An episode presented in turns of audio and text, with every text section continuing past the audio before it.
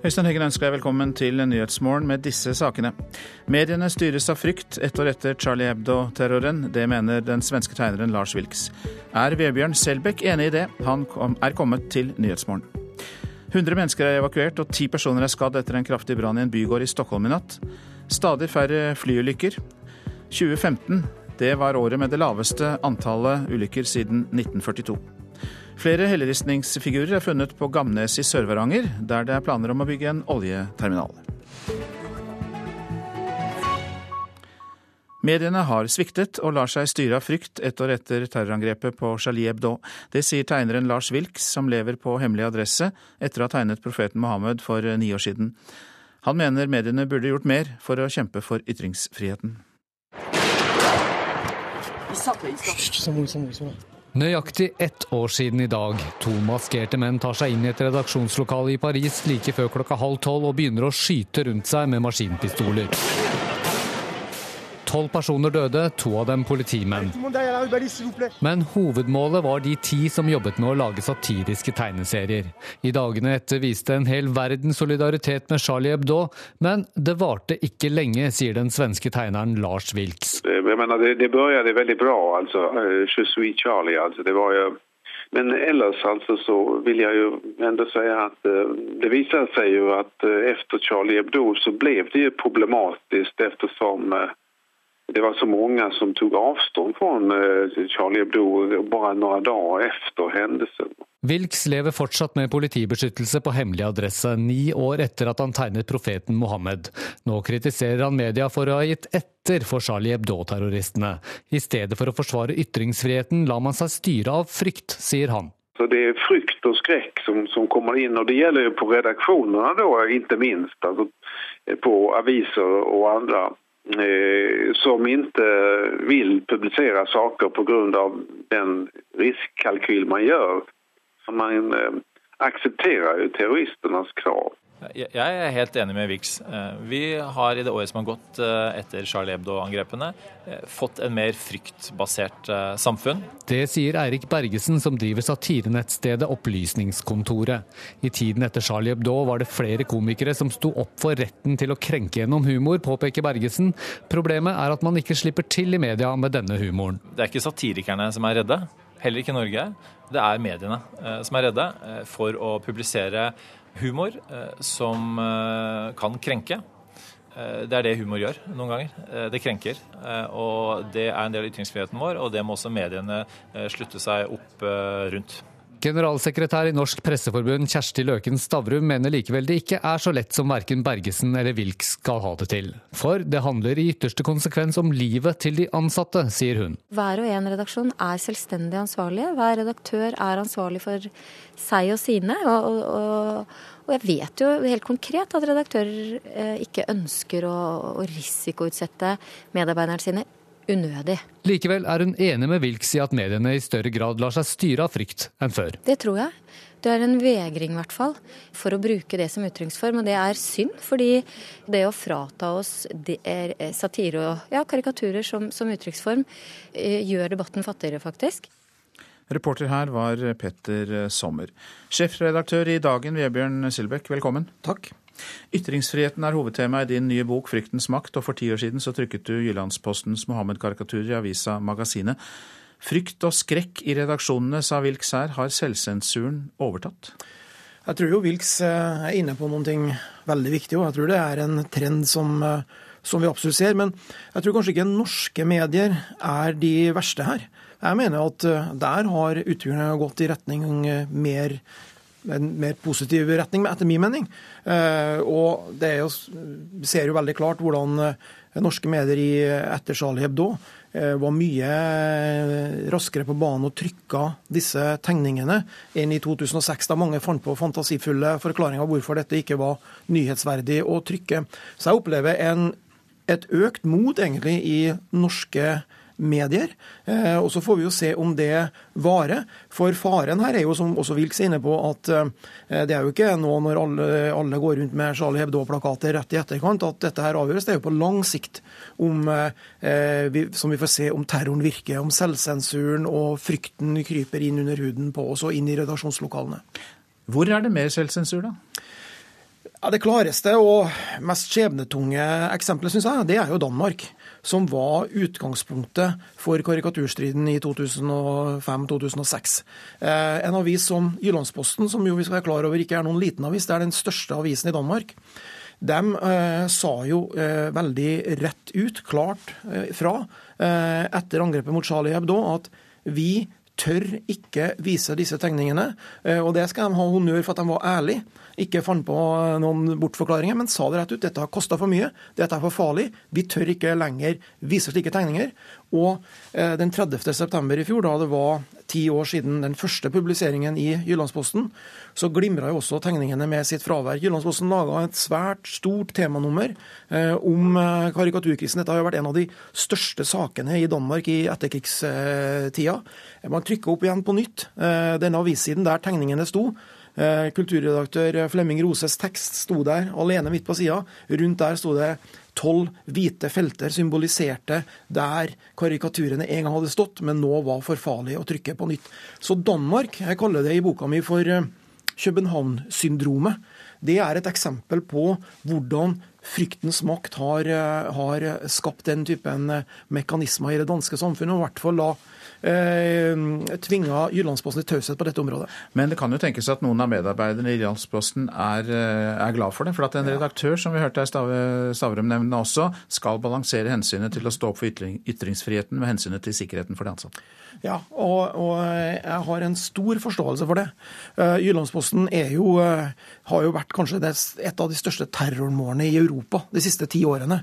Uh, det har vært flere store terrorplott mot Jyllandsposten som har blitt avslørt og faktisk avverga i, i siste øyeblikk og enkelte anledninger. Eh, avisens tegner eh, Kurt Westergård hadde en økse desperado inn på stua. Så de har ofra mye. Det er fullt forståelig. Men likevel så er det et stort onde at man i hele tatt er nødt til å trekke dette sikkerhetsaspektet inn i den redaksjonelle beslutningsprosessen. Er du blitt mer forsiktig? Nei, jeg, For meg har det der eh, toget gått. Det gjorde det for ti år siden. Jeg har bestemt meg for at jeg skal i hvert fall ikke la meg tvinge til taushet. Jeg vil fortsette å snakke om disse tingene, for jeg syns det er veldig, veldig viktig. Det handler om bærebjelker i demokratiet vårt, at vi ikke lar eh, fryktens makt få styre oss. Mange takk skal du ha, sjefredaktør i Dagen, Vebjørn Selbekk. Og så til eh, andre aviser enn dagen. Det andre aviser har på sine forsider i dag. Kun sterke skoleledere kan hindre mobbing, skriver Vårt Land. Utdanningsdirektoratet har brukt 75 millioner kroner på antimobbeprogrammer, men med vekslende hell. Skoler klarer ikke å snu en negativ utvikling uten en sterk ledelse, sier skoleforsker til avisa. Familien til 13-åringen som døde i Valdres nyttårshelgen, forteller sin historie i et brev til Aftenposten. Moren har tallrike ganger vært i kontakt med skoler, fastleger, terapeuter og sykehus, for uten at de har maktet å gjøre piken frisk, står det bl.a. i brevet fra familien. Byrådet i Bergen ber regjeringen om flere tiltak mot luftforurensningen, skriver Bergens Tidende. Byrådet vil øke bompengeavgiften på dager med dårlig luft. De vil at biler som forurenser mest, også må betale mer i bomringen. Skip må vises bort fra havna i Bergen når det er sterk forurensning. Og lav- og nullutslippssoner må etableres i byen. 220 000 arbeidsledige og 8 ledighet, ja det spår investor Jens Ultveit Moe i Klassekampen. Han mener at privilegerte grupper i arbeidslivet må tåle omstilling. Ledigheten kan bli så høy at den tvinger folk til å flytte og skifte yrke. Regjeringen mangler 60 milliarder kroner til statsbudsjettet, kan vi lese i Finansavisen. Oljeinntektene stuper, og regjeringen må kutte til beinet eller ta store jafs av oljefondet. Et datafirma har fått være med på budsjettmøter i Hordaland fylkeskommune. Der har de diskutert hvor mye penger de selv vil trenge for å utføre oppdrag for fylkeskommunen, skriver Bergensavisen. Dette kommer fram i revisjonens siste rapport til det fylkeskommunale kontrollutvalget. Dagen før ankesaken mot riggselskapet TransOcean skulle starte, ble første statsadvokat Morten Eriksen i Økokrim tatt av saken. Det skjer etter krav fra forsvarerne, skriver Dagens Næringsliv. Nå blir deler av saken om grovt skattesvik frafalt, hvis den i det hele tatt kommer opp. Så farlig er Kim, Nord-Koreas leder, er tema for VG. Professor Lee Chung-min ved universitet, et universitet i Sør-Korea sier at Kim Jong-un er mye galere enn sin far. Han var ikke klar til å ta over ledelsen i landet, og nå forsøker han å få tillit og respekt fra generalene i Nord-Korea, sier altså denne professoren. 100 mennesker er evakuert og ti personer er skadd etter en kraftig brann i en bygård i Stockholm i natt. Brannen skal ha startet med en eksplosjon, og politiet mistenker at det ligger noe kriminelt bak. To personer er pågrepet. Tung, svart røyk stiger fortsatt opp fra bygården i bydelen Vellingby i Stockholm. Brannvesenet har nå kontroll over flammene, men redningsmannskap jobber fortsatt på stedet. Det er fare for at bygget kan rase sammen. Folk i området forteller at de våknet av en voldsom eksplosjon, etterfulgt av et kraftig lysglimt. Kort tid etter sto bygården i full fyr. Redningsmannskaper var raskt på stedet og startet evakuering. Flere personer måtte hoppe fra vinduer og balkonger for å unnslippe flammene. Minst ti personer er skadet. Brannen skal ha startet i en tobakksbutikk i byggets første etasje. Politiet mistenker at det ligger noe kriminelt bak. Nå på morgenen er to personer pågrepet. Politiet har åpnet en skole i nærområdet, der de rundt 100 evakuerte nå innkvarteres. Reporter her Petter Auli Hauge. 2015 var rekordår for god, god flysikkerhet. Det skriver VG. Det ble registrert kun 16 flyulykker med omkomne i fjor, og det er det laveste tallet siden 1942. I tillegg til at 2015 hadde rekordfå dødelige flyulykker, var det det femte laveste året når det gjelder antall omkomne. Totalt 560 mennesker mistet livet i de forskjellige ulykkene. Dette kommer fram i statistikk fra Aviation Safety Network, ASN. Tallene gjelder for sivile fly med plass til minst 14 passasjerer. I ulykkesstatistikken inngår fjorårets dødeligste hendelse da et russisk charterfly på vei fra Sharm el Sheikh til St. Petersburg styrtet på Sinahalvøya 31.10. 224 mennesker mistet livet. Det ble funnet rester etter eksplosiver i vraket. I februar døde 43 personer da Transasia-fly kolliderte i en bro og krasjet i Taiwan. En måned senere, den 24. mars, mistet 150 mennesker livet da Germanwings-fly styrtet i de franske alpene. Etterforskningen av ulykken viste at annenpiloten Andreas Lubitz styrtet passasjerflyet med vilje. Gjennomsnittstallet på flyulykker har vært stadig synkende siden 1997, mest pga. det sikkerhetsarbeidet som internasjonale flyorganisasjoner og flyindustrien bedriver, skriver organisasjonen. Reporter her var Torunn Grymer. Du lytter til Nyhetsmorgen. Klokka den nærmer seg 6.46. Dette er eh, hovedsaker. Et eh, stort hus med flere leiligheter brenner i Vea i Moelv i Hedmark. Politiet sier at ni av de ti beboerne er gjort rede for. Handelen på de kinesiske børsene i Shanghai og Shenzhen ble i dag avsluttet etter mindre enn en halvtimes handel.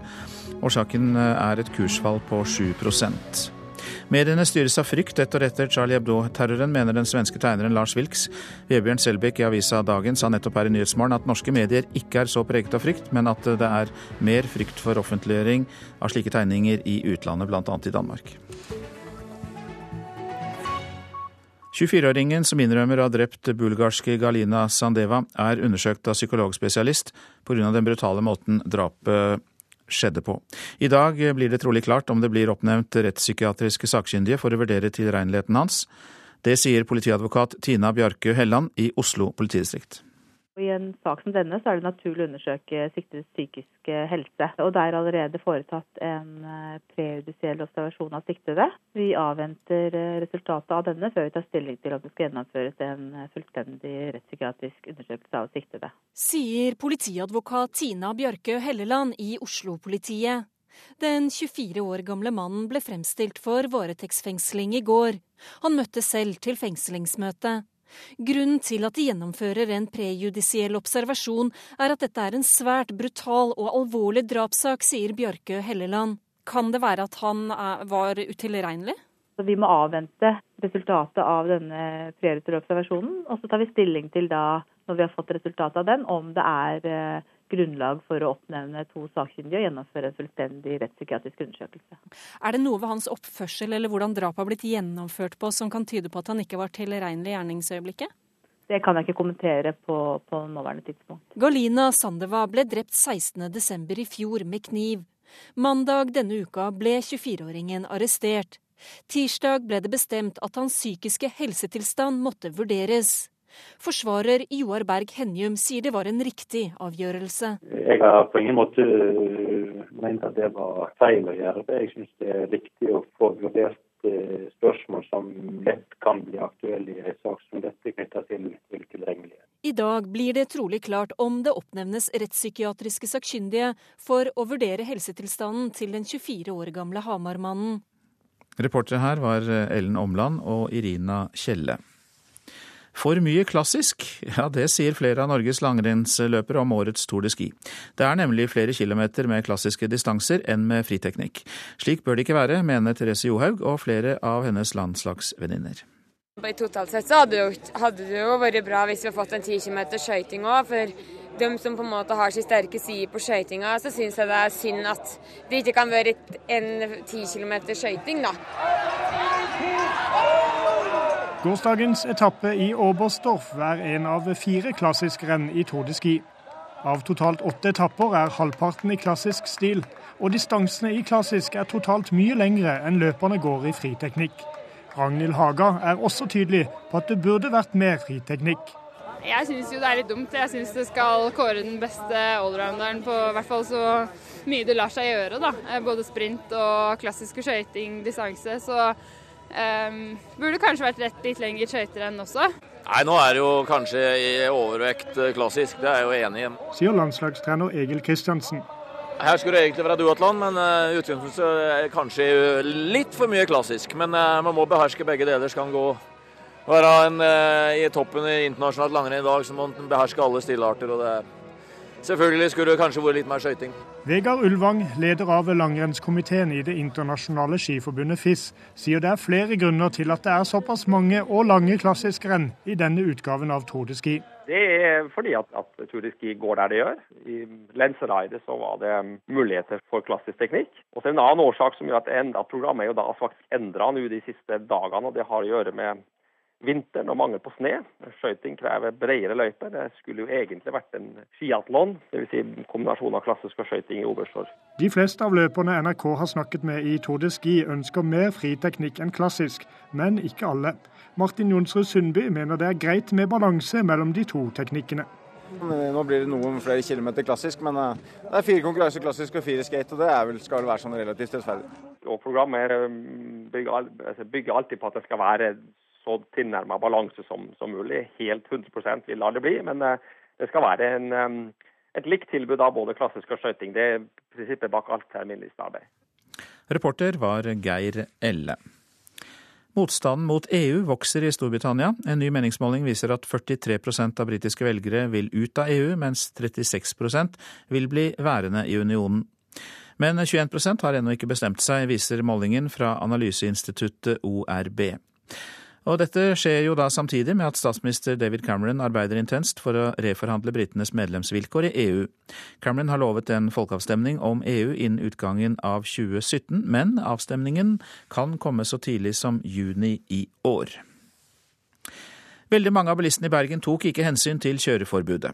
En undersøkelse NRK har gjort, viser at nesten hver femte bilist innenfor bomringen kjørte ulovlig i går. Syns at det er kanskje litt respektløst for de som holder det de skal holde, på en måte. Kristine Hareng venter på bussen. Selv om det er datokjøring, er det mange biler som kjører forbi oss, og hver femte om lag har skilt som slutter på oddetall. Okay, man må jo omstille seg, da, og begynne å ta kollektivtrafikk. Men jeg skjønner at det er uvant hvis man er vant til å kjøre bil hver dag. Vi var ute og talte biler i ettermiddagsrushet i går. På fire sentrale steder Haukeland, Strømgaten, ved Bygarasjen og på Danmarksplass. Uten elbiler og nyttekjøretøy som drosjer og kjøreskoler og slikt, registrerte vi 830 biler. 147 av dem kjørte ulovlig, altså med oddetallsskilt og med én eller to i bilen. Jeg syns det tallet eh, egentlig eh, er helt greit. Atle Heradstveit er leder for trafikkseksjonen i Bergenspolitiet. Jeg tror nok folk har Eh, behov for å planlegge litt eh, frem i tid, mer enn et halvt døgn. Hvis folk har eh, tatt seg umake med å ta busser de normalt ikke tar, brukt mye mer tid til å komme seg på jobb pga. dette forbudet, og så ser de at naboen kjører som før. Hva tror du det gjør med innstillingen til å håndheve dette neste gang? Nei, Det kan jo være negativt. At respekten for dette her vil, vil eh, synke. Og det ønsker vi jo ikke, selvfølgelig. De som kjørte ulovlig i går, kjører nå uansett lovlig i dag. Heller ikke byrådsleder Harald Kjeldrup vil være sint på bergensere som ikke bryr seg om kjøreforbudet. Jeg ønsker ikke å gjøre meg til noen moralsk dommer, jeg kan bare oppfordre eh, alle bergensere og andre til å delta i den felles dugnaden vi nå trenger for å gjøre luften i Bergen mindre helseskadelig. Men er dette en oppfordring, eller er det et forbud? Ja, Vi har gjort et vedtak som politiet kan håndheve, men, eh, men, vi kan ikke fra kommunen gå ut med bøteblokker og gi det. Det må være politiets oppgave. I dag skal politiet ha kontroller, men trolig blir det ikke bøter da heller. Det kan jeg ikke love deg. Mange som presser seg inn på fulle busser i går, let seg irritere over biler med feil skilt. Jeg møtte Kjersti Vea på halleplassen utenfor bygarasjen. Nei, jeg, altså Samvittigheten min hadde sagt at uh, er det innført et forbud, så retter man seg etter det. Ja. Men uh, nei, samvittigheten Men nå kjører bussen min, og det var litt dumt. Ja. Nei, det, det, var min feil. Det var din feil. sånn er det når du ikke kjører bil. Tenk hvor greit det hadde vært. ja, da hadde jo det. Ute i trafikken i Bergen var Oddgeir Øystese. Tromsø museum har funnet enda flere helleristningsfigurer på Gamneset i Sør-Varanger, hvor planen er å bygge en oljeterminal. Museet tror det kan eh, ta oppimot to år før hele kartleggingen av feltet er ferdig er det omtrent 48 eh, figurer som vi vet om der. Og alle ser ut til å være avbildninger av dyr. Anja Roth Niemi, prosjektleder og arkeolog for helleristningsfeltet på sørsiden av Varangerfjorden. Det var en tilfeldighet som gjorde at den om lag 7000 år gamle bergkunsten ble funnet sist sommer. Arkeologene skulle undersøke området hvor den nye oljeterminalen skal ligge og etter en lunsjpause gikk en av arkeologene en snarvei. Med solskinn på skrå og perfekte lysforhold dukka plutselig reinfigurer ut av bergsiden. En link mellom helleristningene i Alta og de på Kolahalvøya ble funnet. Det er veldig mange likhetstrekk med noen av de eldste delene av det som er i hjemmeluft i Alta. Sånn at det kan se ut som at eh, noen, noen folk som har hatt i hvert fall eh, stor kjennskap til hverandre. I oktober, rett før snøen la seg, var arkeologene tilbake på Gamneset. Nå for å kartlegge omfanget av helleristningene. Detaljene har kommet mer tydelig frem. I all hovedsak så ser det ut til å være rein. Det er også noe som vi tolker som elger. Det er òg flere detaljer. Så at, har, eh, altså at man har hugd ut eh, relieff av hodet og bakpart. Så det er jo veldig spennende at de her detaljene kommer frem, sånn at vi kan sammenligne det med andre felt og se om det er samme stil, kanskje lagd av samme folk med samme kultur. Så langt er det ikke funnet flere felt med helleristninger, men jobben er ikke ferdig. Det er en omfattende prosess som skal til for å avdekke alt. Berget er bl.a. blitt dynka med sprit. For å drepe den laven som befinner seg der, som gjør at det er fryktelig vanskelig å se de her eh, figurene som ofte kan være veldig svake og også forvitra. Og så er det jo sånn at denne eh, spriten den eh, virker ikke, har ikke full effekt før det har gått en viss tid. Vi vet ikke helt nøyaktig om det finnes flere figurer der før denne laven har blitt fjerna totalt. Det er Tromsø museum som har ansvaret for kartlegginga. Og hvor lang tid det vil ta, er ikke klart. Men prosjektlederen ser ikke bort ifra at det kan gå opp mot to år. For Nordterminal vil ikke de arkeologiske utgravingene få noen konsekvenser foreløpig. Feltet ligger utafor området der bygginga skal pågå. De er derimot mer bekymra for fortgangen i forhold til vei- og logistikkutbygginga enn for at utredninga av bergkunsten skal forsinke prosjektet. Det sier sjef for prosjektutvikling Arne B. Ramstad i Nordterminal. Det viktigste for Nordtegn er at det foreligger en, eh, en, eh, forsikring fra myndighetene om at nødvendig infrastruktur vil bli etablert på Tømmerneset. Det er nok viktigere, en, en, viktigere sak å få klarhet i enn en eh, situasjonen med helleristningsfunnet. Prosjektutvikler Arne B. Ramstad i Nordterminal der, og reporter det var Silja Arevola. Så tar vi fatt på værvarselet fram til midnatt. Fjell i Sør-Norge først. Det blir østlig stiv kuling til sterk kuling. Utsatte steder vest i Langfjella. Delvis skyet, stort sett oppholdsvær. Østlandet og Telemark skyet eller delvis skyet, stort sett oppholdsvær, men ubetydelig snøfall kan forekomme. I kveld spredt snø sør for Mjøsa, men fortsatt bare i små mengder. Sørlandet på kysten østlig liten til stiv kuling fra i ettermiddag, til dels sterk kuling i vestlige områder. Det blir litt snø på Sørlandet, i kveld noe økende nedbør i østlige områder. Rogaland øking til østlig stiv til sterk kuling utsatte steder. Mest vind blir det på kysten i sør. Delvis skyet oppholdsvær. Så ser vi Hordaland og Sogn og Fjordane samlet, og det blir um, utover dagen østlig til stiv kuling i utsatte fjell- og fjordstrøk, ellers lettskyet oppholdsvær. Møre og Romsdal og Trøndelag sørøstlig liten kuling i utsatte strøk, for det meste pent vær.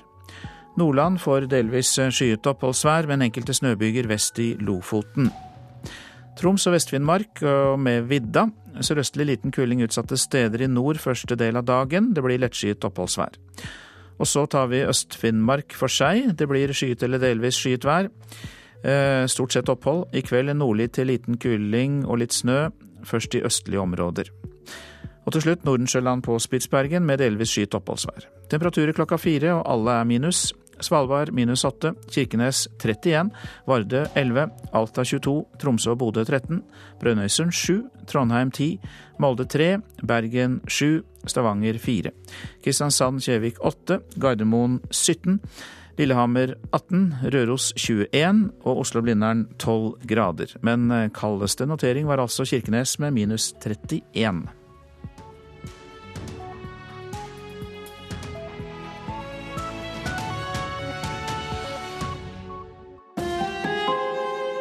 Hør ekko. Zimbabwe har nå innført kinesiske yuan som gangbar myntenhet. I det sørøstafrikanske innlandet, flere tusen mil unna Beijing. Noen kaller Zimbabwe for Kinas første koloni i Afrika. Ekko 9 11 i NRK P2. I Stockholm er 100 mennesker evakuerte etter en kraftig brann i natt. LO og NHO lanserer i dag et nytt samarbeid for å få flere ut i arbeid. Her er NRK Dagsnytt ved Silje Sande, klokka er sju. Svensk politi har evakuert kring 100 mennesker etter en kraftig brann i en bygard i Stockholm i natt. Ti mennesker er skadde i brannen, som skal ha starta med en eksplosjon. Tung, svart røyk stiger fortsatt opp fra bygården i bydelen Vellingby i Stockholm. Brannvesenet har nå kontroll over flammene, men redningsmannskap jobber fortsatt på stedet. Det er fare for at bygget kan rase sammen. Folk i området forteller at de våknet av en voldsom eksplosjon, etterfulgt av et kraftig lysglimt. Kort tid etter sto bygården i full fyr.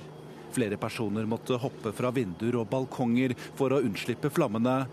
Brannen skal ha startet i en tobakksbutikk i byggets første etasje. Politiet mistenker at det ligger noe kriminelt bak. Nå på morgenen er to personer pågrepet. Politiet har åpnet en skole i nærområdet, der de rundt 100 evakuerte nå innkvarteres. Det sa reporter Petter Auli Hauge.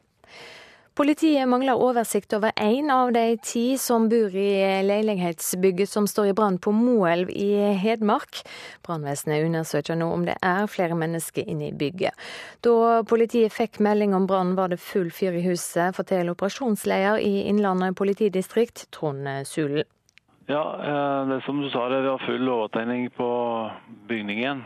Og vi driver nå med å sjekke opp i at alle har kommet seg ut forhåpentligvis så ser det bra ut at det ikke er noen som er igjen i huset, men vi jobber med saken. LO og NHO vil ha et nytt samarbeid for å øke sysselsettinga og demme opp for oljenedturen, flyktningkrisa og delingsøkonomien. Det skriver Dagens Næringsliv. Når NHO sin årskonferanse starter i dag, vil lederne i de to arbeidslivsorganisasjonene lansere samarbeidet, som de kaller Bærekraftsalternativet, etter modell av Solidaritetsalternativet som ble skapt på 1990-tallet. Det er planlagt demonstrasjoner i 20 land til støtte for et norsk-rumensk ektepar som er fratatt de fem barna sine og sikter for familievalg her i Norge. Allerede har 600 demonstrert i Spania og 400 i Romania, skriver Vårt Land. I tillegg har 50 000 støtta paret gjennom en underskriftskampanje i USA. Paret ble sikta like før jul. I et intervju på rumensk TV har de vedgått å ha klapsa barna på baken og dratt dem i ørene. Det var eh, NRK Dagsnytt. Nyhetsmorgen fortsetter med disse sakene. Støy på arbeidsplassen kan føre til hjerteinfarkt og slag. Venstre legger press på regjeringen, krever fortgang i integreringsarbeidet. Det er ett år siden angrepet på satiremagasinet Charlie Hebdo. Frykt preger fortsatt utelivet i byen. Og vedfyring tar flere norske liv enn utslipp fra biltrafikk. Det viser tall fra Det europeiske miljøbyrået. Er du omgitt av støy på jobben? Da kan du være i faresonen for hjerte- og karsykdommer. Det slår Statens arbeidsmiljøinstitutt fast etter en gjennomgang av forskning på sammenhengen mellom støy og disse sykdommene. Det som har vært kjent tidligere, er at støy i arbeidslivet kan gi økt blodtrykk. En økt risiko for økt blodtrykk. Men det som denne litteraturgjennomgangen har vist, er at eh, støy i arbeidslivet også kan eh, gi en økt risiko for hjerte- og karsykdommer slik som hjerteinfarkt og hjerneslag. Det sier prosjektleder for studien fra Statens arbeidsmiljøinstitutt, Marit Skogstad. Hvis støyen er over 85 desibel, regnes den som farlig. Det er som å stå ved en støyende lastebil. For mange opplever støy på arbeidsplassen hver dag. Bygningsarbeideren, lastebilsjåføren, bartenderen. Støyen kan på forskjellige måter gi utslag i hjerte- og karsykdommer. Det kan være gjennom stressmekanismer, men også ved at stress gir eh, høyt blodtrykk. Det kan også være arvelige mekanismer bak det, at noen er mer sårbare for støy enn andre. Ja, her har vi ca. 71 desibel. Det sier Pål Jensen i Norsk forening mot støy, inne på en kafé i Oslo. F.eks. en del diskoteker og nattklubber og barer, så er det ofte mye verre. Arbeidsplasser er pålagt å holde seg under støygrenser og tilby hørselsvern om det trengs. Og du kan selv ta ansvar for å beskytte deg mot støy, sier Jensen. Ja, selvfølgelig at du bruker hørselsvern når det er nødvendig. Det er det jo pålagt, det skal du jo gjøre. Og i tillegg eh, ta det opp med verneombud eller hovedverneombud der hvor det er slike på arbeidsplassen. Selv om det har vært usikkerhet og uenighet blant forskere om det er en sammenheng mellom støy og hjerte- og karsykdommer, er Skogstad sikker på funnene deres. Vi har regnet på dette gjennom et metanalyseprogram og er temmelig sikre på at de dataene vi har er bra, fordi det dreier seg om mange, mange tusen personer som disse dataene er basert på. Reporter det var Milana Knesevic. Norunn Hjertager Krogh, velkommen. Takk. Du er forsker ved Folkehelseinstituttet, og si litt mer om hvorfor det er denne sammenhengen mellom støy og hjertelidelser. Eh, altså stress er jo en risikofaktor for hjertelidelser. Og støy er en stressfaktor på linje med andre stressfaktorer du har i livet ditt, sånn at det kan gi en forøkt eh, risiko for hjerte-kar-lidelser. Og det som er interessant med de funnene, er at man finner jo også det samme i forhold til støy du har ved boligen din, som er det jeg jobber med. Mer type miljøstøy, transportkilder, veitrafikkstøy. Så har man også funnet effekt uh, i forhold til slag og hjerte-kar-lidelse, blodtrykk. Er det først og fremst uh, følelsen av stress uh, som igjen da påvirker fysiske deler av kroppen? Altså Man får en, en, type aktivering i kroppen som er naturlig, men det er noe med at hvis dette blir vedvarende, så kan, det, så kan det gi sykdom. Og det trenger heller ikke være altså Man tror at det trenger heller ikke være den opplevelsen, men også støy på natt kan gi en økt risiko. Og da har man ikke tilvenning på samme måte. Da kan man oppleve eller ha en aktivering uten at det er opplevd som stress på samme måte. Er det spenninger i kroppen som oppstår da? Ja, altså den får både økt hjertefrekvens og man får økt nivå av stresshormoner og ja. Mm. Noen av oss kan jo ha en vifte gående i taket uten å reagere på det, mens andre ikke klarer f.eks. den type støy. Er dette veldig individuelt? Det er veldig individuelt. Vi ser veldig store individuelle forskjeller i reaksjon på støy. Sånn at Det er ikke sånn at støynivået er fasiten, det er egentlig den individuelle responsen som sier hvor stort problemet er. Det er kanskje ikke så lett å finne ut om man er eh, i risikosonen her, da? Altså Du kan si at eh, støy er ikke en veldig sterk risikofaktor for hjerte-kar-lidelser, men og, altså, den legger seg sammen med andre typer risikofaktorer. Så selv om man ikke vet eh, så veldig sikkert, så kan man tenke at de som er sårbare fra før, hvis du har sykdom eller altså, andre typer kjente risikofaktorer, så kan det jo være en, noe som muligens kan vippe over da, til sykdom. Mm, at støyen kommer på toppen av det hele? Kommer på toppen av det hele, ja. Og så er det jo også særlig ved langtidseksponering over mange år. Mm. Hva kan vi gjøre for å begrense støy da, i arbeidsliv og fritid? Du jobber jo mest med det vi opplever på fritid, men likevel, gi noen tips. Ja, altså Når det gjelder, eh, som du sier, arbeidslivet er ikke min, mitt område, men du kan jo tenke det å bruke hørselvern, altså ha et stille spiserom f.eks. Hvis det er i barnehage, bruke sånn lydøre for å få barna til å, å lære seg å dempe seg. Og når det gjelder miljøstøy, så er eh, altså god byplanlegging er helt essensielt. Og særlig med det store presset vi merker på byene. At man eh, planlegger boområder hvor det er mulighet for rekreasjon. Man har funnet eh, at grønne områder kan kanskje dempe støyplager hvis man har den typen muligheter. Stille side av boligen. Det er jo tankevekkende også med det at man nå vil fortette mer, men det, det, er en annen diskusjon. Det er en annen diskusjon, ja. Takk skal du ha, Norunn Hjartager Krogh, som altså er forsker ved Folkehelseinstituttet. Regjeringen eh, kan ikke vente helt til våren med å legge fram sin nye integreringspolitikk. Det mener Venstre-leder Trine Skei Grande. Hun krever at Sylvi Listhaug har en integreringsmelding klar om få uker. Nå er batteriet lada, og da er det bare å gyve løs videre. Ansatte i Integreringsdirektoratet klappa etter det første møtet med den ferske statsråden Sylvi Listhaug i går.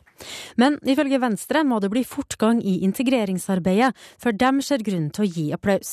Vi må sørge for å få integreringspolitikken på plass mye tidligere enn det som er regjeringa plan. Vi kan ikke vente til mai med å gjøre den jobben. Det forventer jeg at regjeringa gjør før. Trine Skei Grande viser til at det bare tok 40 dager fra asylforliket ble lagt fram i Stortinget, til Sylvi Listhaug i romjula la fram et omfattende høringsforslag med en rekke innstramminger. Nå forventer vi at de kommer like raskt på banen når det gjelder integreringstiltakene. Vi kan ikke vente til sommeren før vi får forslagene på hvordan vi skal få en bedre integreringspolitikk. Integreringspolitikken den begynner her og nå. Jeg mener at Venstre-lederen har et uh, veldig sentralt poeng. Den store oppgaven i 2016 blir jo å bosette og integrere alle de menneskene som kom til Norge i fjor. Sier Helga Pedersen.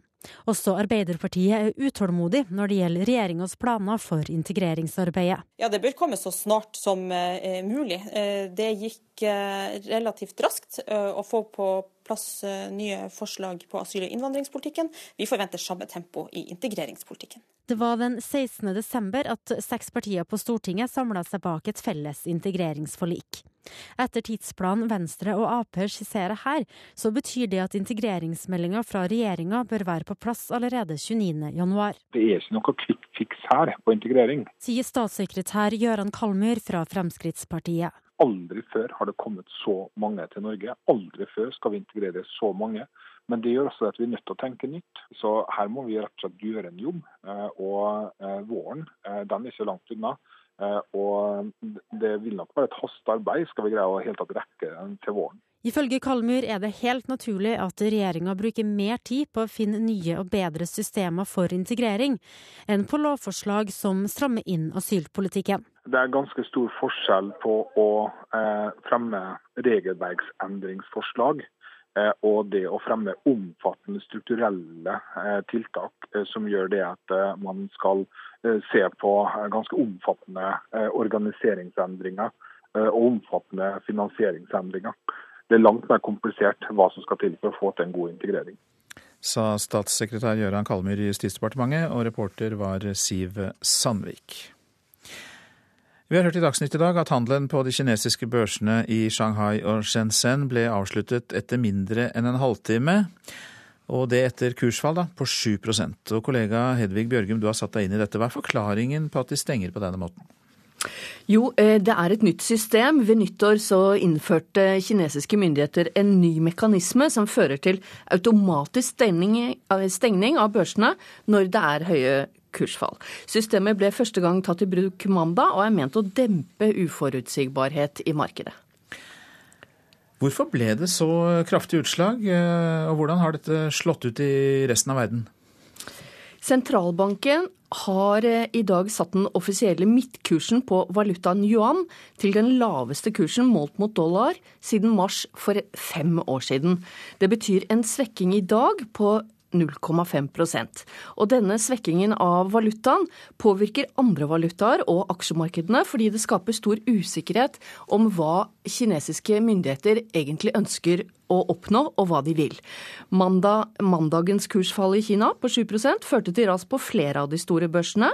Eh, I løpet av det neste døgnet, altså først Europa, så USA. Og det blir nok reaksjoner når eh, Europas børser åpner i dag også. Kina er viktig, en stor økonomi. Takk skal du ha for at du orienterte oss, Hedvig Bjørgum. Du lytter til Nyhetsmorgen, og klokka den nærmer seg 7.14. Dette er hovedsaker i nyhetene.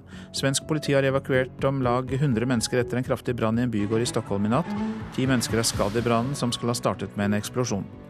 Og et stort hus med flere leiligheter eh, brenner i Vea i Moelv i Hedmark. Politiet sier det er gjort rede for ni av beboerne, ni av de ti, og undersøker om det er flere igjen i huset. Støy på arbeidsplassen kan føre til hjerteinfarkt og hjerneslag, det har vi hørt i denne sendingen. Det er Statens arbeidsmiljøinstitutt som slår det fast etter en gjennomgang av flere forskningsrapporter. Og nå til Paris. Det er jo ett år etter attentatet mot satiremagasinet Charlie Hebdo. Tolv medlemmer av redaksjonen ble drept. I dagene etter fulgte flere terroraksjoner. Mens kafeer og restauranter fortsatt lider pga. terrorfrykt, så selger bladet mer enn noen gang, og er nå ute med en spesialutgave. Alors aujourd'hui, ça marche très bien. Normalement, on vend 7 à 10. Aujourd'hui, on a vendu quand même jusqu'à maintenant 80 à peu près. Salget går strykende, sier Viktor Kaplenis, som selger aviser og blader i en kiosk like ved Plass de la Republique. Stedet som er blitt et samlingspunkt etter terroraksjonene i fjor. Charlie Hebdo, satiremagasinet som var på konkursens rand før attentatet for akkurat et år siden, er paradoksalt nok en av de få som har tjent på aksjonene i økonomisk forstand. Bladet solgte 7,5 millioner eksemplarer av utgaven som kom 14.1 i fjor. Inntjeningen er svært god, og i går la Charlie Hebdo-redaksjonen ut én millioner eksemplarer av spesialutgaven ett år etter. Restauranter, kafeer og hoteller derimot lider fortsatt av ettervirkningene. På restaurant Taverna var bordene tidligere fulle ved lunsjtider. Når vi kom innom i går, var det glissent. Det går trått, vedgår daglig leder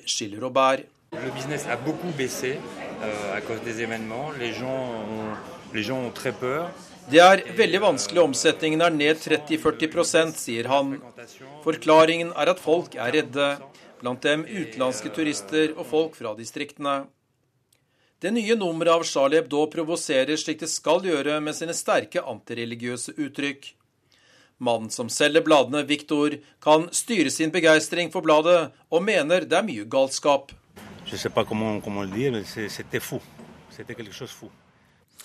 Og Korrespondent Tore Tollersrud, du laget denne reportasjen, og du er nå med oss direkte fra Paris. Og Hvordan blir det markert der at det er ett år etter Charlie Hebdo-massakren? Ja, Den store offisielle markeringen det blir nå førstkommende søndag eh, nettopp på Place de la République, der hvor jeg står nå. Der det også var en, eh, en storstilt eh, samling etter Ebdo-etatet for ett år siden, som samlet hundretusener. Og hit kommer president Hollande. Han skal sette opp et stort eiketre her. Det skal være stor konsert med den kjente franske rockestjernen Johnny Alliday. Så søndag blir den store dagen, men det har også tidligere i uka skjedd ting. Det har eh, også vært eh, med Hollande i spissen da eh, avduket en del minnesmerker for de som ble drept i denne massakren for et år siden.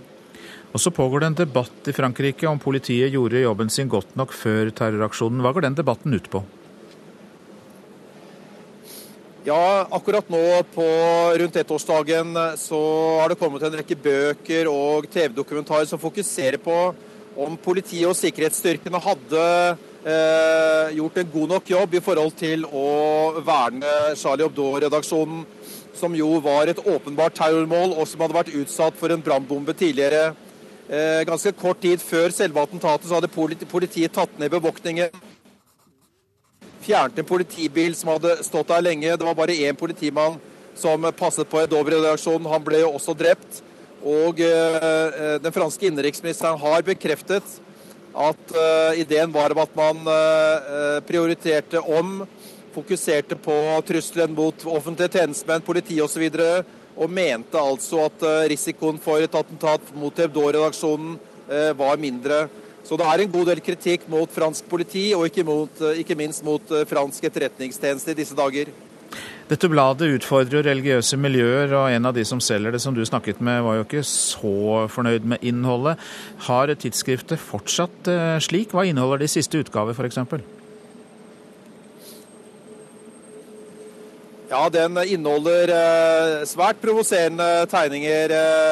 Det er jo en, en forside der, der hvor Eh, vi ser en, eh, en, figur med masse hår og skjegg, og som man da mener er Gud, og som har en kalasjnikov på ryggen og løper av gårde. Og så står det 'Gjerningsmannen er fortsatt på fri fot'. Og eh, både denne tegningen og mye annet av innholdet har provosert eh, religiøse miljøer. Annet har Vatikanet kommet på banen og mener at Hebdo eh, fullstendig har misforstått. Og så hørte vi også da at reiselivsbransjen lider under terrorfrykten. og øh, Det var jo også en terroraksjon i høst øh, mot øh, restauranter og et konsertlokale. Hvordan opplever du at pariserne tar dette her nå? Ja, Det ser i hvert fall ut som de som ellers reiser og besøker byen, gjør det i mye mindre grad. Og det sto, sto, har store økonomiske konsekvenser. Eh, for eh, kafeer, restauranter, hoteller. Det rapporteres om omsetningsvekt da på, eh, på 30-40% Når vi kom hit i går, så snakket vi med en drosjesjåfør som var svært fortvilet og mente han bare hadde en gjennomsnittslønn på 10 euro i timen. Pariserne de går nok ut og bruker byen som før, men byen taper store penger på terrorfrykt. Det er det ingen tvil om. Takk for at du var med oss fra Paris, korrespondent Tore Tollersrud. Så til prøvesprengningene i Nord-Korea. USA, Sør-Korea og Japan varsler strengere sanksjoner etter prøvesprengningene. Det har vært telefonsamtaler mellom eh, Barack Obama og Sør-Koreas president i natt. Og Asia-korrespondent Peter Svaar, du er i Seoul og har nettopp vært ved grensen til Nord-Korea. Hvordan opplevde du stemningen der? Den er åpenbart mer spent enn vanlig. Vi, eh, var, eh, vi, ble stoppet av soldater på et sjekkpunkt litt før vi kom til grenselandsbyen eh, Panmunjong. Det gjorde også det sørkoreanske pressekorpset, mens et, et dusin helikoptre svermet over hodene våre. Det er en spent stemning nå, og vi hører at det er mange sørkoreanske soldater som nå er kalt tilbake fra sine permisjoner. Man er jo bekymret her for hvordan gårsdagens prøvesprengning nå vil eh, øke spenningen her på Koreahalvøya. Og så har Sør-Koreas president fått kritikk for sin håndtering av situasjonen etterpå. Eh, hvorfor det? Det president Park kritiseres eh, spesielt for, er at eh, hennes eh, forsvarsdepartement og hennes etterretningstjeneste ikke var i stand til å forutse denne prøvesprengningen.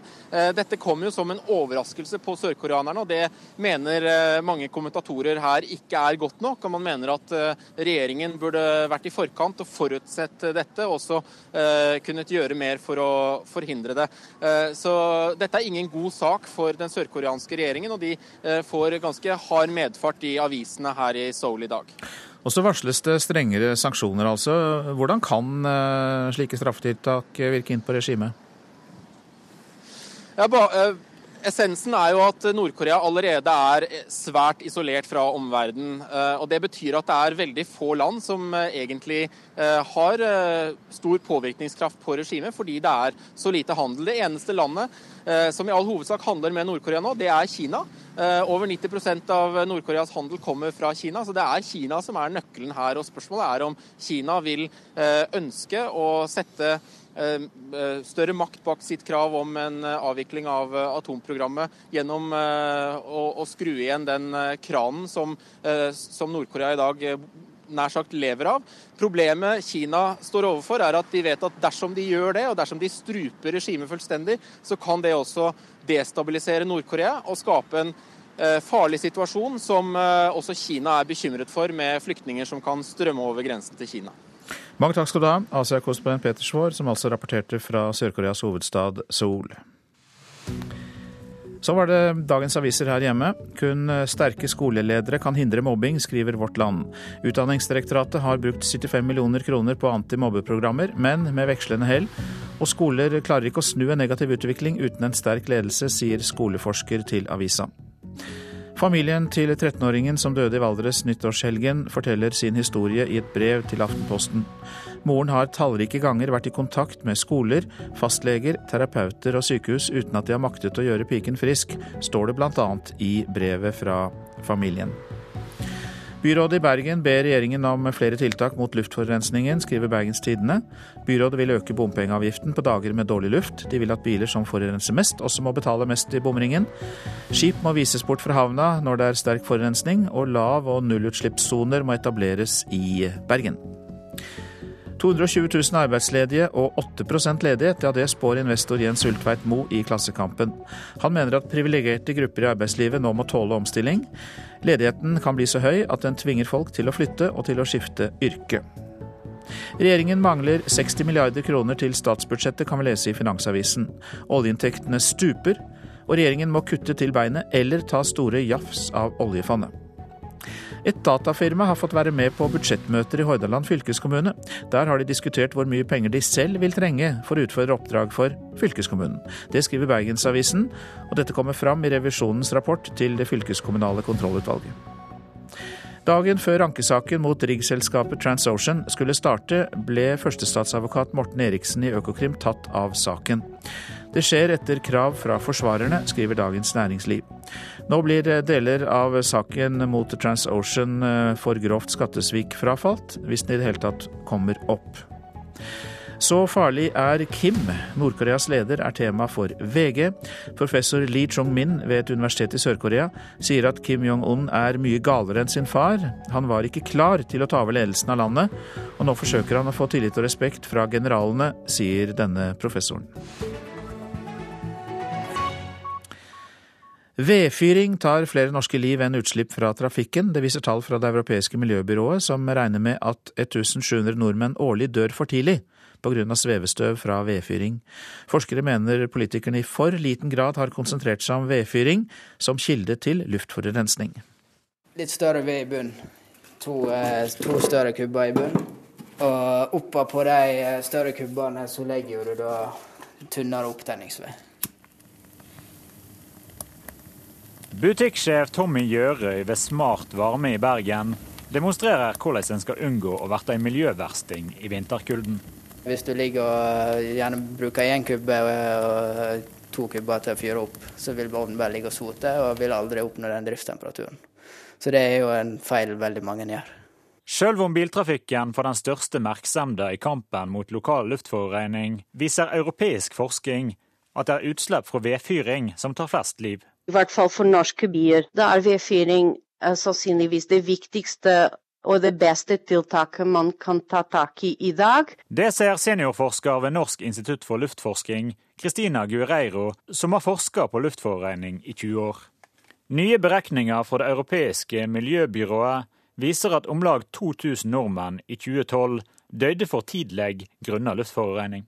Over 80% av dødsfallene skyldes ikke nitrogendioksid fra dieselbiler, men det mest finmaska svevestøvet, som i norske byer først og fremst skyldes vedfyring. Disse partiklene går ikke bare inn i lungene, de går også over til eh, blodsirkulasjon og påvirker våre kardiovaskulærsystem. På kalde vinterdager i Bergen stiger konsentrasjonene av det fine svevestøvet når folk er hjemme på kveldstid.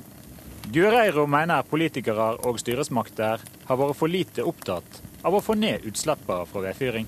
Og Derfor så har debatten dessverre nesten bare konsentrert seg rundt utslipp fra veitrafikk, og i mindre grad eh, har man sett på, på vedfyring som en viktig luftforurensningskilde. Klimabyråd i Bergen, Julie Andersland fra Venstre, sier alt tyder på at politikerne har vært for lite opptatt av konsekvensene av peiskosen. Ja, det er veldig alvorlig. Og det er klart at det er noe som vi politikere må være oppmerksom på, og absolutt eh, styre politikken deretter. Etter flere år med kommunal panteordning for gamle vedovner i Bergen, ble denne fjernet i 2011. Andersland lover at byrådet i løpet av kort tid skal få ordninga på fote igjen. Venstre har jo eh, snakket om denne her panteordningen for vedovner i årevis og hatt det inni alle våre alternative budsjettforslag. Eh, hadde vi kunnet hatt eh, hva skal jeg si, en satsing over tid og hatt en panteordning over tid, så ville vi jo kommet mye lenger med den utskiftningen enn det som vi er i dag. Men opplever dere at det per i dag har de verktøyene det trenger? Nei, absolutt ikke. Forskeren mener utskifting og riktig bruk av ovner må til om helsefaren skal reduseres. Hvis man fortsatt fyrer med gamle vedfyringsovner, så vil et tiltak bare å skifte vedovn være allerede et stort skritt i riktig retning. Pluss at folk må lære å, å, å fyre riktig, dvs. Si med masse luft og tørr ved.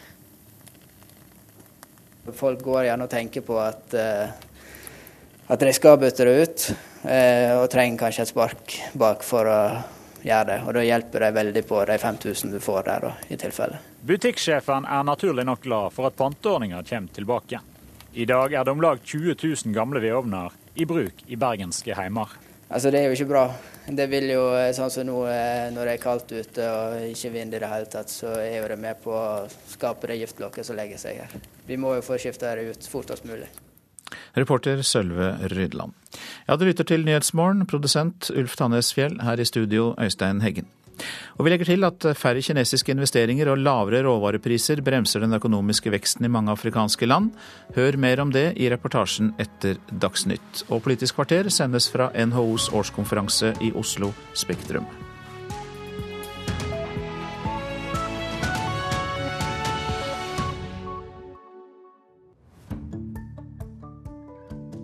Det nye nummeret av Charlie Hebdo har Gud på forsiden med et maskingevær på ryggen. Hvordan fremstår magasinet i dag, ett år etter attentatet? Er Charlie fortsatt Charlie? I dag klokken 13.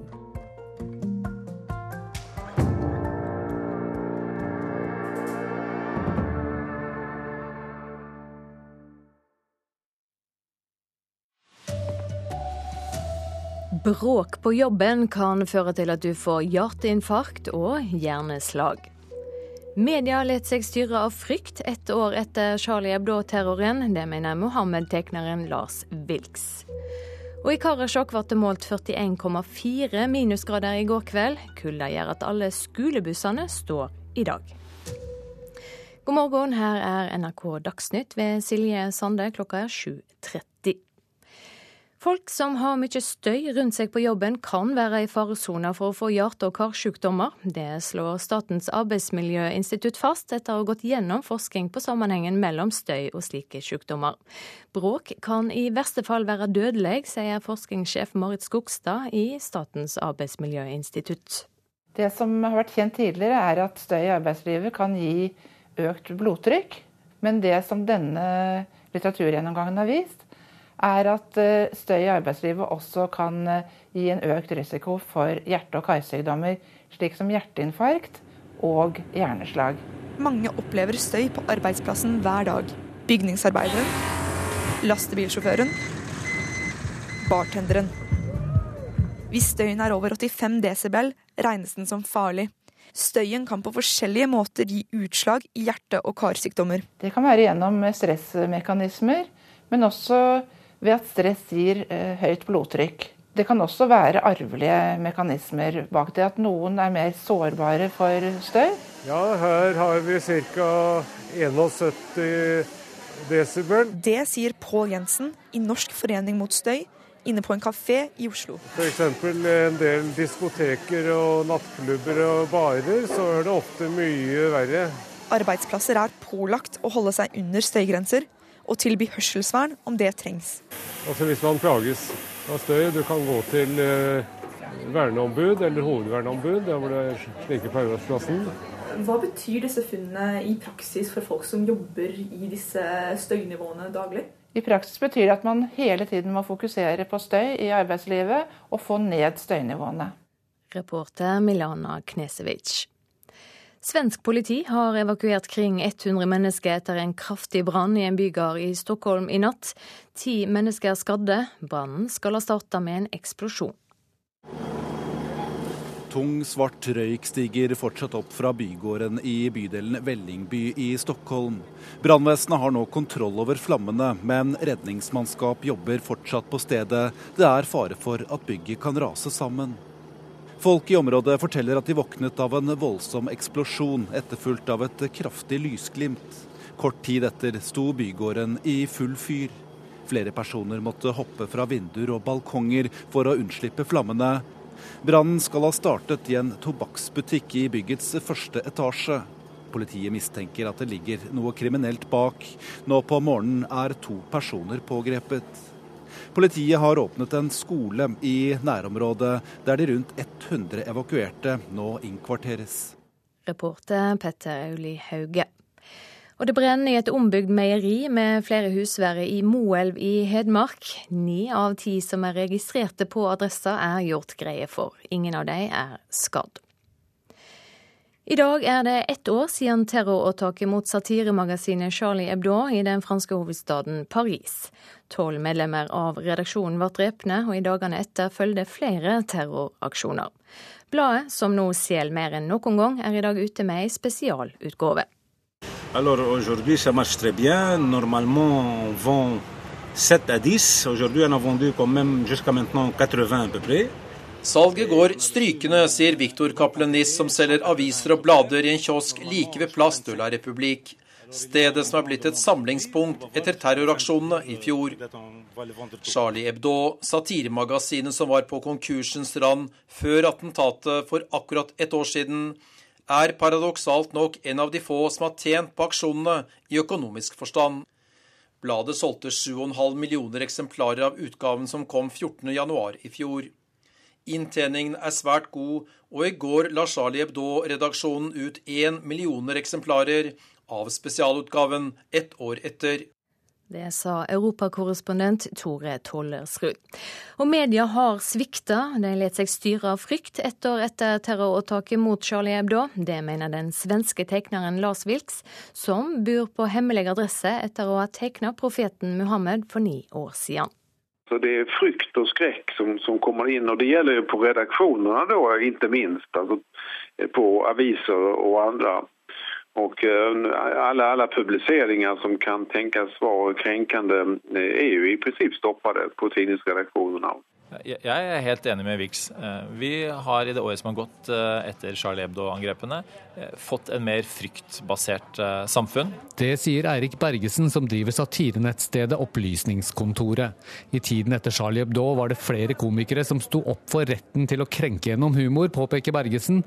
Problemet er at man ikke slipper til i media med denne humoren. Det er ikke satirikerne som er redde, heller ikke Norge.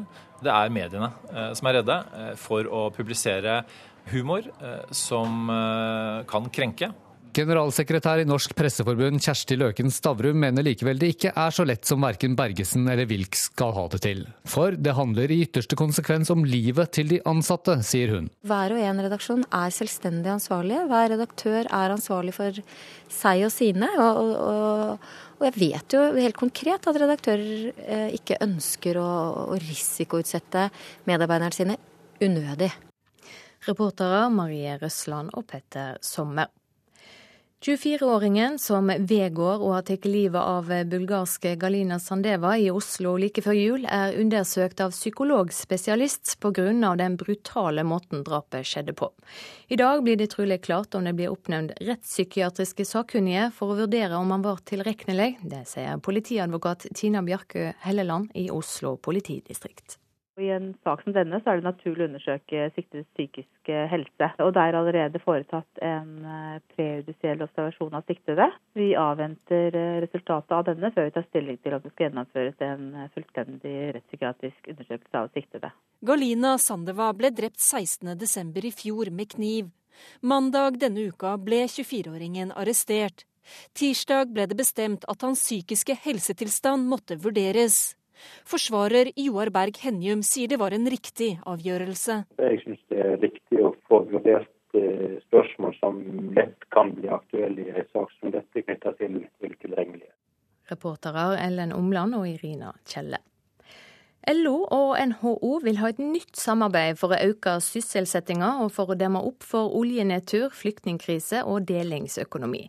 Det skriver Dagens Næringsliv.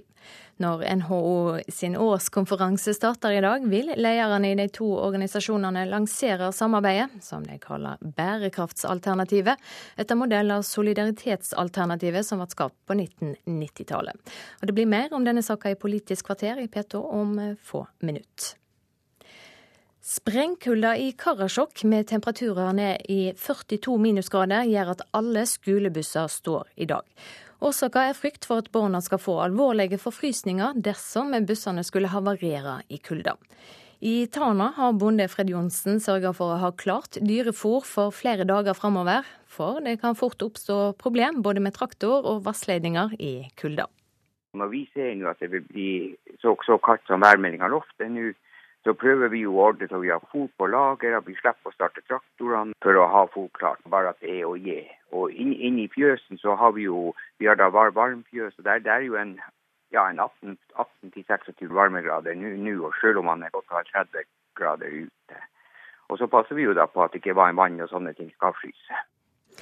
Og det er ikke så uvanlig med temperaturer ned mot 40 minus. Det forteller statsmeteorolog Christian Gislefoss.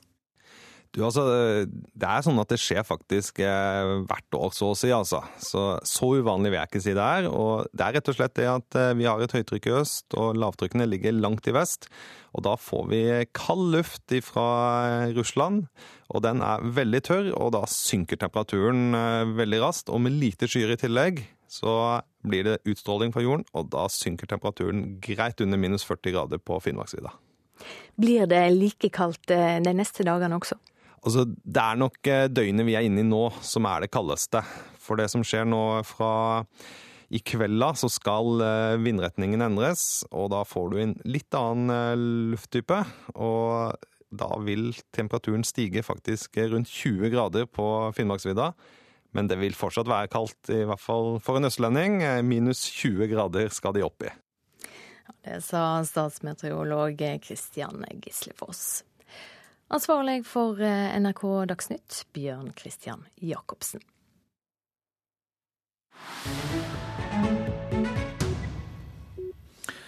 Her er Nyhetsmorgen om den økonomiske veksten i Afrika sør for Sahara, for den var i fjor på det laveste på seks år.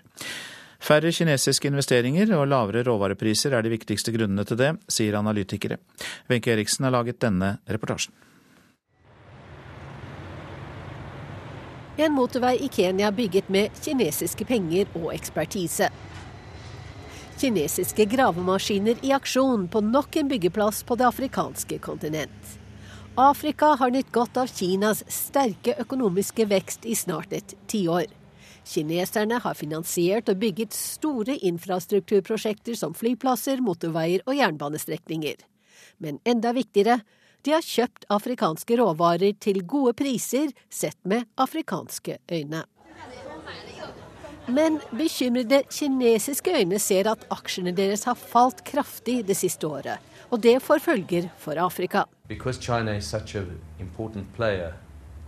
Markets, especially in respect of the demand for commodities, Kina spiller en svært viktig rolle i verdensøkonomien, særlig når det gjelder etterspørsel av råvarer. Så når den kinesiske økonomien sakner fart, faller etterspørselen, og dermed også råvareprisene kraftig, sier den sørafrikanske økonomianalytikeren Asa Ajamin til nyhetsbyrået Reuters. Det igjen fører til at valutaen til land som er avhengig av råvareeksport, lider, legger han til. Det har f.eks. skjedd i oljelandene Angola, Ekvatorial Guinea og Nigeria. Og i Botswana og Mauritania, som eksporterer mineraler. I Kenya sank verdien av skillingen med 14% mot amerikanske dollar, og renten steg med 3% i oktober. Verdensbankens såkalte Puls-rapport i fjor høst anslo at den økonomiske veksten i 2015 i Afrika sør for Sahara ville havne på 3,7% mot 4,6 året før. The Pulse finds that with weaker global Svakere forhold i det globale markedet, betydelig lavere råvarepriser, lavere vekst i Kina og strammere forhold i verdensøkonomien. Uh, um, Alt dette legger en dempe på Afrikas vekst, sier Verdensbankens fungerende sjeføkonom Punam Chuhan Pole. Men det er andre faktorer også, skriver Reuters. I Ghana, Sør-Afrika og Zambia er det interne forhold som dårlig tilgang på strøm som hemmer vekst. I Sør-Sudan, der det er borgerkrig, og i Burundi, der det brøt ut protester da presidenten trosset grunnloven og stilte til en tredje valgperiode, er det politisk ustabilitet og sosial uro som påvirker de økonomiske utsiktene. Erik Nesabimana driver en liten butikk i Burundis hovedstad Bujumbura. Jeg tjener nesten ikke penger nok til å kjøpe mat, klager han. Før solgte jeg kassevis med øl, nå er jeg heldig hvis jeg selger én flaske. Kundene er borte. Men ikke alt ser mørkt ut. Ifølge Verdensbanken kan Elfenbenskysten, Etiopia, Rwanda, Mosambik og Tanzania forvente seg en robust økonomisk vekst på 7% eller mer i år. Og i den første evalueringen av Somalias økonomi på mer enn 25 år fant Det internasjonale pengefondet IMF betydelig framgang etter at borgerkrigen i det lutfattige landet på Afrikas Horn tok slutt. Bruttonasjonalprodukt vokste med 4% i 2014, og inflasjonen er bare på rundt 1% sier IMFs representant i Mogadishu, Roshiero Sanamela. Inflation remained low at about 1%. Dette er hovedsaker i Nyhetsmorgen. Støy på arbeidsplassen kan føre til hjerteinfarkt og hjerneslag. Det slår Statens arbeidsmiljøinstitutt fast etter en gjennomgang av flere forskningsrapporter. Svensk politi har evakuert om lag 100 mennesker etter en kraftig brann i en bygård i Stockholm i natt. Ti mennesker er skadd i brannen, som skal ha startet med en eksplosjon. Et stort hus med flere leiligheter står i brann i Moelv. Politiet har fått bekreftet at ni av personene har reddet seg ut av det brennende huset, men én person er savnet. Sprengkulda i Karasjok med temperaturer ned i 42 minusgrader fører til at alle skolebussene står. Det er frykt for at barna skal få alvorlige forfrysninger dersom bussen skulle havarere i kulda. Og mediene styres av frykt ett år etter Charlie Hebdo-terroren. Det mener den svenske tegneren Lars Wilks. Politisk kvarter er ved Håvard Grønli, og det sendes i dag fra NHOs årskonferanse i Oslo Spektrum.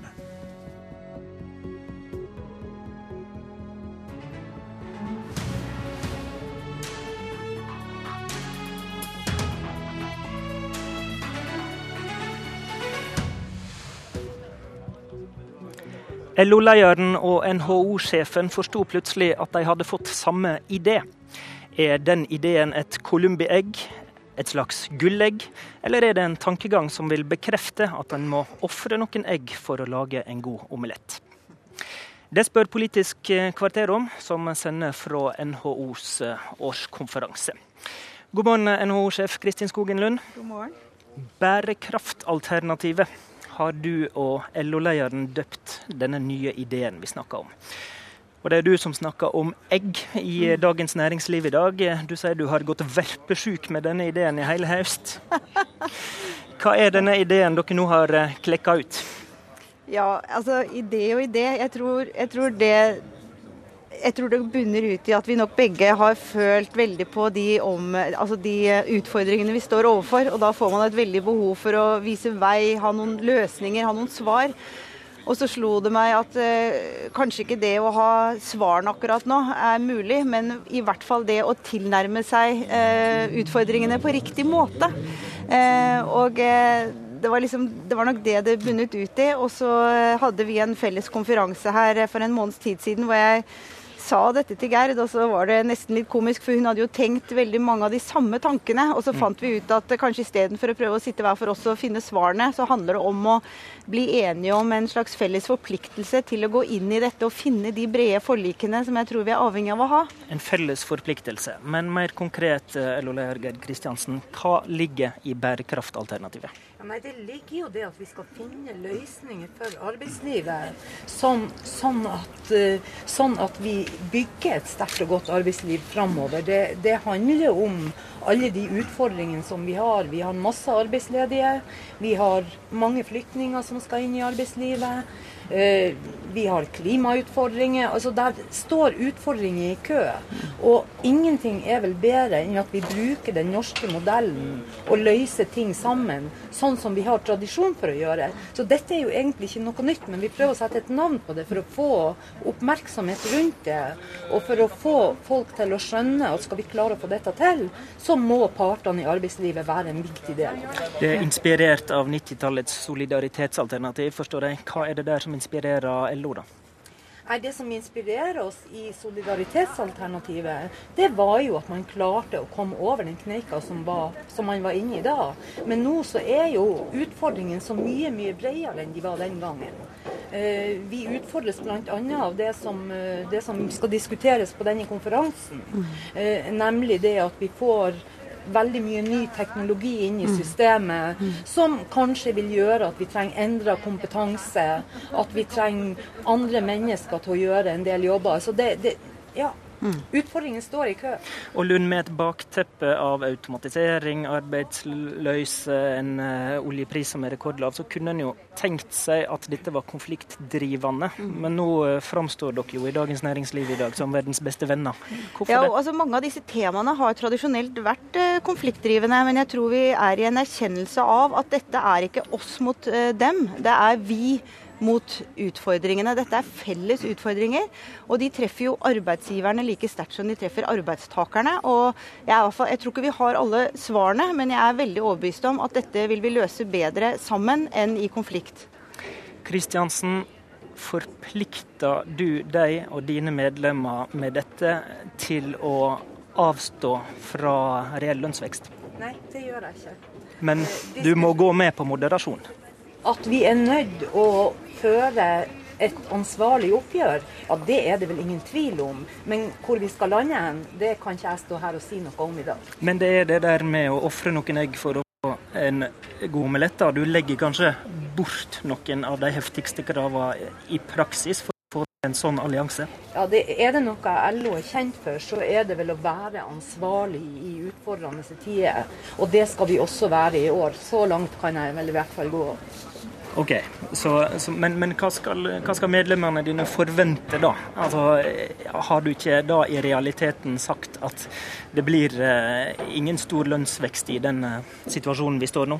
Nei, jeg har ikke sagt det. Og det medlemmene eh, skal forvente framover, det er hardt arbeid for å klare å komme oss over den kneika vi er inne i.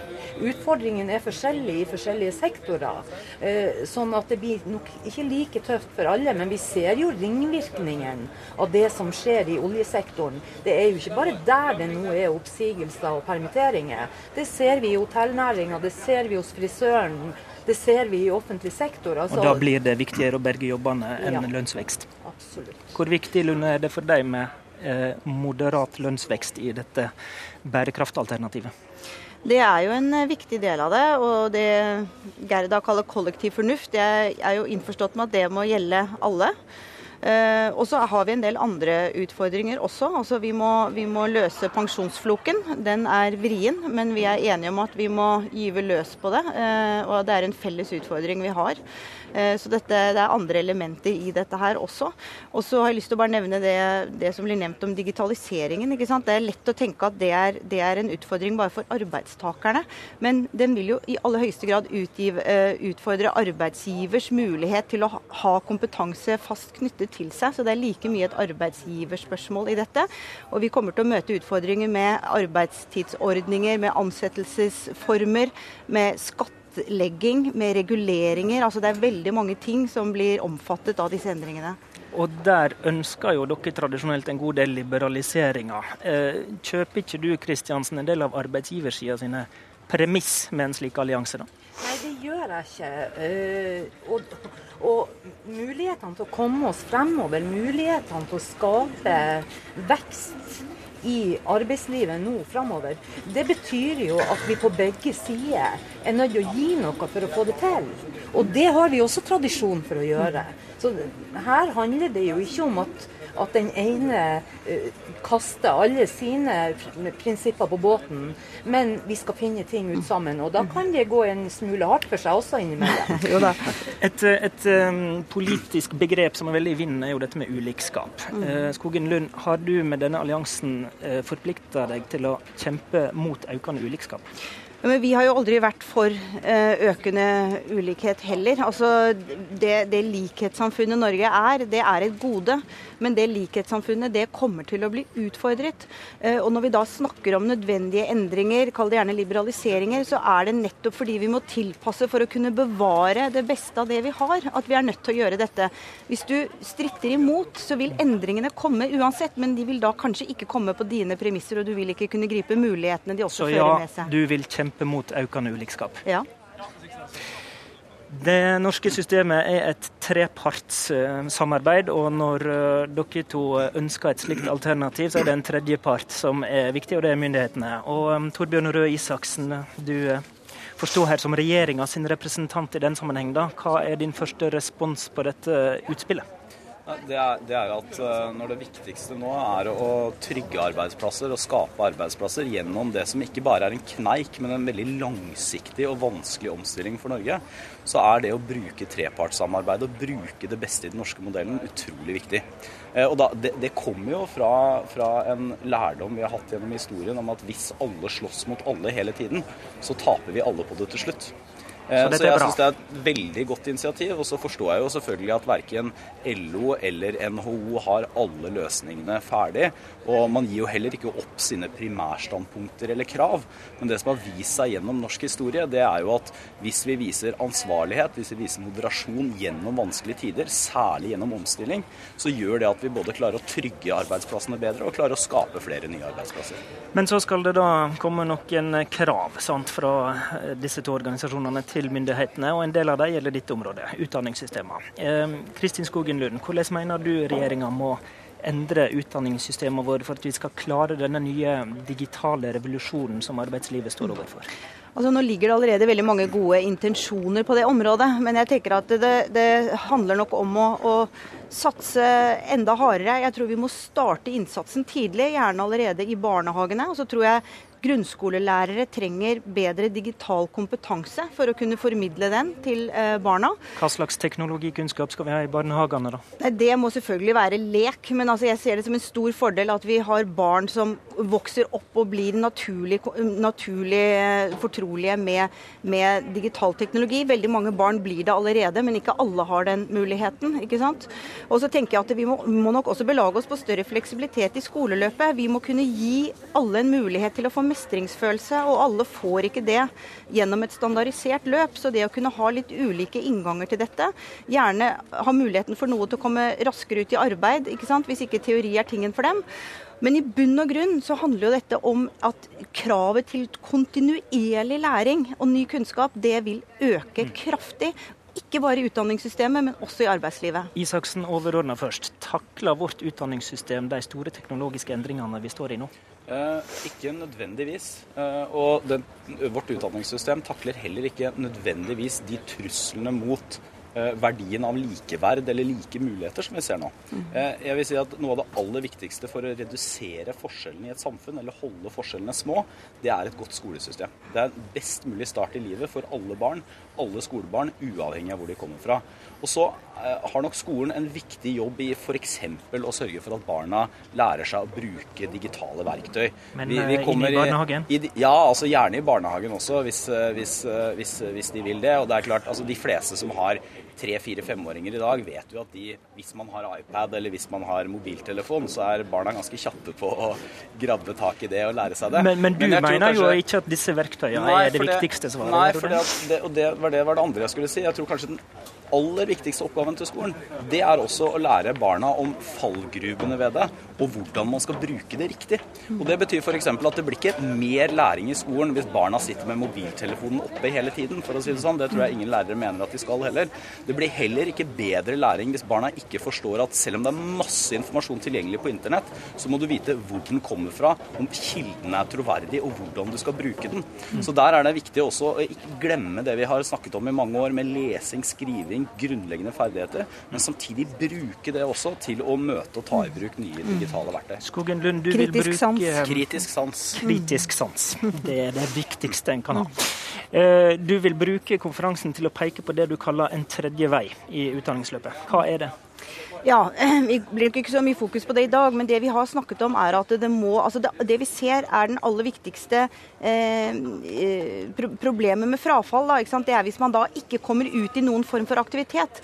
De som slutter tidlig på skolen, men får seg relevant arbeidspraksis, de går det bra med. Så det kan være helt greit å gå tidlig ut i arbeid, så lenge du da får en anledning til å mestre og tilegne deg kompetanse i den settingen. Og det skal være en formell kompetanse som en da skal kunne få i bedriftene? Ja, og så kan man jo heller ta det man trenger av teori senere i løpet. Men okay. at det skal være fullt mulig å gå ut i arbeid fra grunnskolen i ordnede former, det har vi stor tro på. Et løp utenom videregående skole, da? Ja. Hvordan høres dette ut, eh, Isaksen? Altså, vi trenger et tilbud for de elevene eh, som reelt sett ikke vil ha en sjanse til å gjennomføre vanlig videregående skole. Eh, og Det kommer vi til å ganske snart gjøre obligatorisk i alle fylker, at det må man ha. Men det vil jo bare være en start allikevel. Eh, så, tror jeg at vi, så jeg mener at vi trenger flere elever som får et type praktisk retta, mindre teoritungt tilbud. Men så syns jeg også det er viktig at vi ikke men, bruker Men vil du ha et sånt tilbud utafor videregående? Nei, altså det må være en del av den. Det må gå inn i den samme lærlingsystemet og videregående skolesystemet som vi har i dag. Det syns jeg er viktig. Så syns jeg også at det er viktig at vi holder fast på at den aller beste veien inn i arbeidslivet og den beste utdannelsen, det er å ta et fagbrev. Norge har et skrikende behov etter faglært arbeidskraft. Eh, vi, vi kommer til å mangle 90 000 fagarbeidere både i privat og offentlig sektor i 2030. Så hvis man har lyst til å gjøre et godt valg, så er det å ta et fagbrev. Så må vi sørge for at flere får lærlingeplass. Det er det avgjørende. Skogen Lund, din modell den kan ikke legge opp til å formalisere et eh, B-lag, da? Nei, det er absolutt ikke, det er ikke meningen. Og hele poenget er at dette er ikke et B-lag. For vi ser at folk som får tilegnet seg kompetanse gjennom arbeid, de, de blir mestringsdyktige, de. Eh, og jeg, det siste jeg har lyst til å nevne på dette her, er alle de som dessverre da allerede har falt utenfor arbeid eller utdanning, det, og som kanskje har en manglende mestring. Vi har en tendens til at de ender opp med, med helse, et helserelatert eh, løp.